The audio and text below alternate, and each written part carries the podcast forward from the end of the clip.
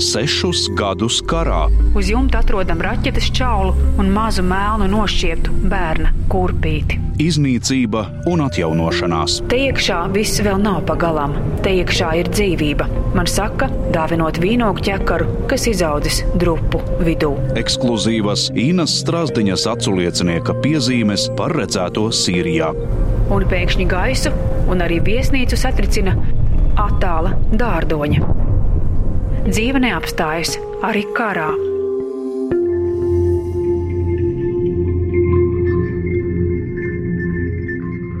Ceturtais ieraksts Sīrijas dienas grāmatā - Kāzas.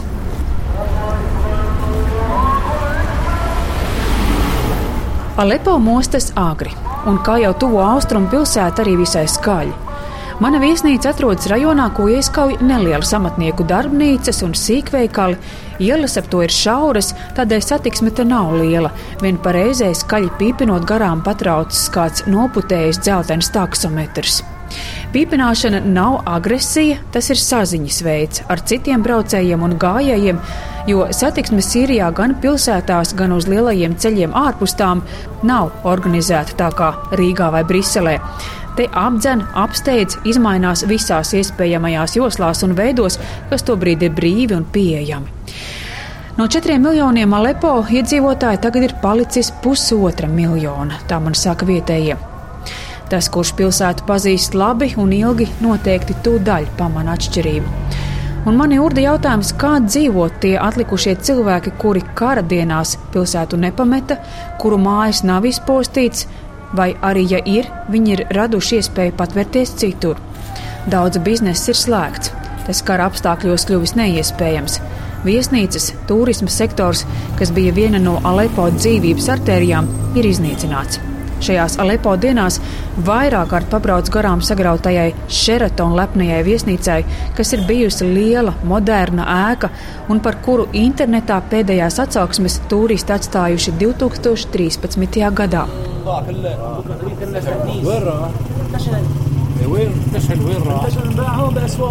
Es satieku amata meistaru, virpotāju, septiņu bērnu tēvu Omāru vecpilsētas tūmā, kurš man stāsta, cik ļoti gaida brīdi, kad atkal būs darbs. Maima, kura strādā vietējā iestādē, man pastāsta, ka pirms kara viņa spējusi nopelnīt līdz pat 700 dolāriem mēnesī, tas pārvēršot vietējo naudu mums saprotamā valūtā. Tagad tā ir alga aptuveni 100 dolāru vērtībā, ar kuru var tikai izdzīvot. Alepo operas nams ir slēgts, un daudz kas ir slēgts, bet, kā man sacīs vietējie, nekad nav aizvērušās skolas, arī sīvāko kauju gados ne. Alepo ir kā šaha galdiņš, raiba. Vissmagāk sabombardēta ir vecpilsēta, austrumu daļa, 60% visas pilsētas ir vairāk vai mazāk ievainota bet dažu minūšu braucienā no absolūtas postažas ir dzīvības pilnas teritorijas. Apģērba, apavu, pārtiks veikali, bankas, ārā restorāni, parks ar palmu rindu. Te iebraucot, viss iepriekš skatītājs liekas kā jauns murgs. Pie kādas ātrā uzkoda ēstuves, kurā top kebabs un citi vietējie gardumi, ārpusē nolikts galds ar traukos svaigi sagrieztiem dārzeņiem. Ar tiem var cienāties par velti. Kad stāvu un pētu apkārtni, man pēkšņi blakus nostājas automašīna, un iekšā sēdošie pasauc pie loga. Rusija atskan jautājums, ko šajās dienās esmu dzirdējis jau vairāk kārt. Latvija atbild. Pie stūres sēž vīrietis Sīrijas armijas formā. Blakus sieviete, baltā galvas lakatā un aizmugurē meita. Viņa pasniedz man pretī nelielu apaļu, baltā gludenā papīrā ietītu felāfelu, eļļā ceptu plācenīti. Un tā nav vienīgā reize, kad Sīrijā mani cienā. Tāpat vien dārzeņu tirgotāji, kur savu pieticīgo saulē savītušo produkciju sarindojuši kastēs un ratiņos ielu malās, vienkārši garām gājēji.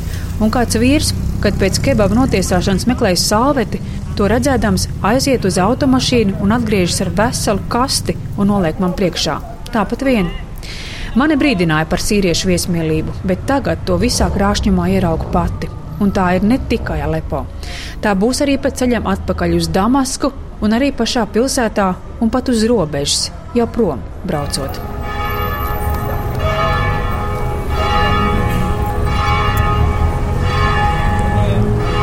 Vakarā, kad sāk krēslot, mēs kopā ar ceļabiedriem aizbraucām uz baznīcu.